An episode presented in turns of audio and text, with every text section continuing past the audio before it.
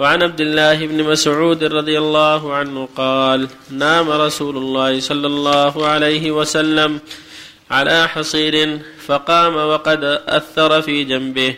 قلنا يا رسول الله لو اتخذنا لك وطاء. فقال ما لي وللدنيا ما أنا في الدنيا إلا كراكب استظل تحت شجرة ثم راح وتركها. رواه الترمذي وقال حديث حسن صحيح. وعن أبي هريرة رضي الله عنه قال قال رسول الله صلى الله عليه وسلم يدخل الفقراء الجنة قبل الأغنياء بخمسمائة عام. رواه الترمذي وقال حديث صحيح. وعن ابن عباس وعمران بن الحصين رضي الله عنهم عن النبي صلى الله عليه وسلم قال اطلعت في الجنة فرأيت أكثر أهلها الفقراء. واطلعت في النار فرأيت أكثر أهلها النساء متفق عليه من رواية ابن عباس ورواه البخاري وأيضا من رواية عمران بن الحسين. وعن أسامة بن زيد رضي الله عنهما عن النبي صلى الله عليه وسلم قال قمت على باب الجنة فكان عامة من دخلها المساكين وأصحاب الجد محبوسون غير أن أصحاب النار قد أمر بهم إلى النار. متفق عليه. وعن أبي هريرة رضي الله عنه عن النبي صلى الله عليه وسلم قال أصدق كلمة قالها شاعر كلمة لبيد. ألا كل شيء ما خلا الله باطله. متفق عليه. بسم الله الرحمن الرحيم. الحمد لله. وصلى الله وسلم على رسول الله وعلى آله وأصحابه. أما بعد هذه الأحاديث الخمسة كالتي قبلها في الحث على الترغيب في الزهد في الدنيا والرغبة في الآخرة وإيثارها والإعداد لها وأنه لا ينبغي المؤمن أن يشغل بمتاع الدنيا وتجارتها وزينتها عن الآخرة بل يجب أن يكون أكبر همه الإعداد للآخرة والجد في طلب الآخرة. ولما رأى الصحابة أنه صلى الله عليه وسلم اضطجع على حصير قد أثر في جنبه قال أنا أدخلك وطاء قال ما لي وللدنيا إنما مثلي ومثل كراكب قال في ظل الأوحى ثم ذهب وتركه. ولما دخل علي عمر في المشروبة التي كان فيها حين هجر نساءه وجده قد أثر الحصير في جنبه عليه الصلاة والسلام. فقال يا رسول الله أنت في كذا وكذا وفارس والروم في كذا وكذا. قال أفي شك أنت يا ابن الخطاب؟ أولئك قوم عجلت لهم طيباتهم في حياتهم الدنيا. فالمؤمن لا يشغل بالدنيا. ولكن يأخذ منها ما تيسر. يتسبب ويعمل يطلب الرزق حتى يستغني عما في أيدي الناس. كما تقدم في قول الله صلى الله عليه وسلم احرص على ما ينفعك واستعن بالله. ولما سئل أي الكسب أطيب قال عمل الرجل بيده وكل بيع مبرور فالمؤمن يكتسب الحلال ويتصدق وينفق ويحسن ولكن لا تشغله الدنيا عن الآخرة. ويقول صلى الله عليه وسلم إنه طلع على الجنة فرأى عامة أهلها الفقراء. واللفظ الآخر أنه يدخل الجنة قبل الأغنياء بنصف يوم خمسمائة عام. وذلك والله أعلم لأنهم لا حساب عليهم.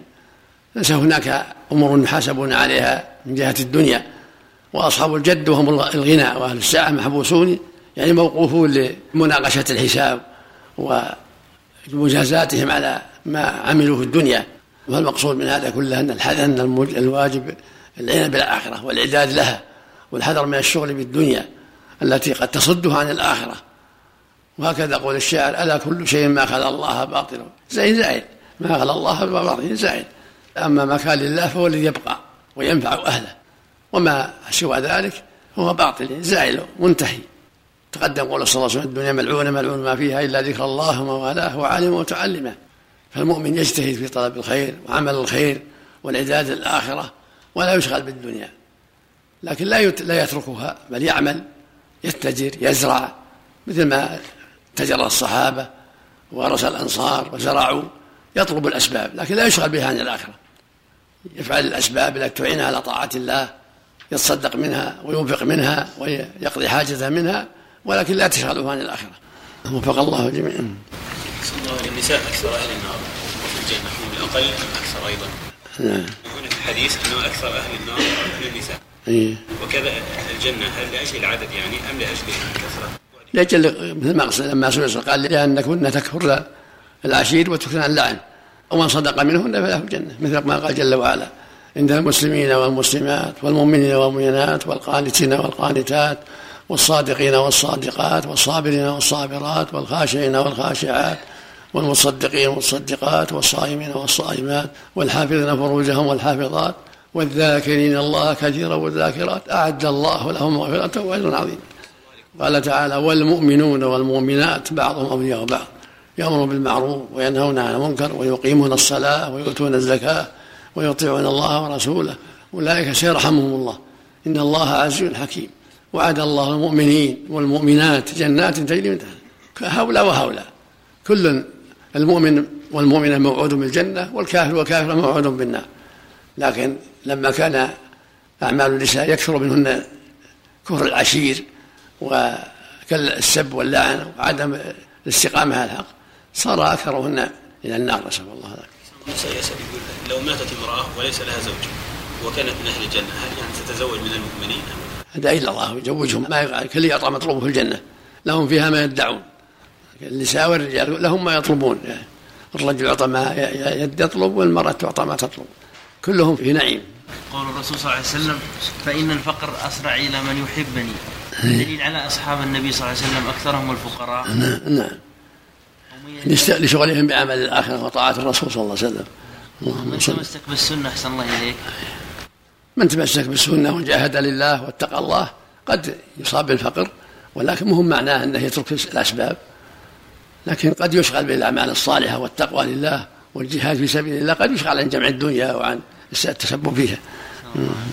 يا سمعت الوالد فيه آه، بعض المشايخ ينكرون اذان الحرم لأن النبي اللهم صل وسلم عليه يقول إذا أذنت فترسل وإذا قمت فاحذر بعضهم يجعل الأذان كالإقامة يعني ما يترسل فيه. لا السنة ترسل في الأذان أو السرعه في الإقامة هذا السنة. لا لا الأذان الحرم يطولون ما هم ما هم بيخفون خطرهم على الطول هناك من استدل على لعن نعم. هناك مستدل على لعن المعين الكافر. يقول النبي صلى الله عليه وسلم للرجل الذي أتي به آه، يجلد في الخمر. فقال أحد الصحابة لعنه الله. فقال لا لا تعني الشيطان. هذا عبد الله حمار. فإنه يحب الله ورسوله. قال بأن الذي لا يحب الله ورسوله فإنه يلعن. الرسول لعن من أذى من أذى المسلمين ولا من لا لا يؤذى. لعن أبا جهل واشبه بن ربيعه وشيبر وأشباههم من آذوا المسلمين. أما الكفار ما آذوا لا يدعى لهم بالهداية. لما قيل يا رسول الله إن دوسا قد تأخر إسلامهم قال اللهم اهد دوسا وأت بهم. يدعو لهم بالهداية. اذا الصحيح صلى الله عليه وسلم ولما كان اليهود يتعاطسون عنده يريد ان يقول يرحمكم الله قال يهديكم الله. اذا أحسن الله عنك الصحيح أن الكافر المعين لا يلعن لا يلعن إلا إذا كان من أذى المسلمين. إذا كان من أذى. المسلمين. بارك الله فيك. هل هل يؤخذ في وقتنا هذا يا شيخ أن من ينام على حصير يا شيخنا من السنة؟ لا ما هو من السنة. هذا حسب الحاجة من السنة. ما هو من السنة. يعني يكون مقتدر يا شيخ لكنه يجعل له أيام ينام على إذا أراد يتعظ يعني يحاسب نفسه ويجاهدها ما في بأس. من باب محاسبة النفس وتذكيرها بحال الفقراء. ولا؟ الحمد لله. إذا رزقه الله الطيبات الحمد لله. الحمد لله. الله قال كلوا من الطيبات. نعم. الحديث طلعت في الجنة فرأيت أكثر أهلها الفقراء. ولأن كما ذكر ابن القيم إن فتنة المال أعظم من فتنة الضراء يعني فتنة الفقر إنما أموالكم وأولادكم فتنة نعم. هل يؤخذ من ذلك إن الغالب على أهل الطاعة وأهل الصلاح يكونوا من الفقراء ويوجد من الأغنياء؟ هذا هذا الغالب مثل ما في الصحابة مثل ما في الصحابة. شيخ بارك الله فيك أفضل الخلق بعد الرسول صلى الله عليه وسلم أبو بكر نعم. أم الأنبياء يا شيخ؟ أفضل الناس الرسل والأنبياء ثم أبو بكر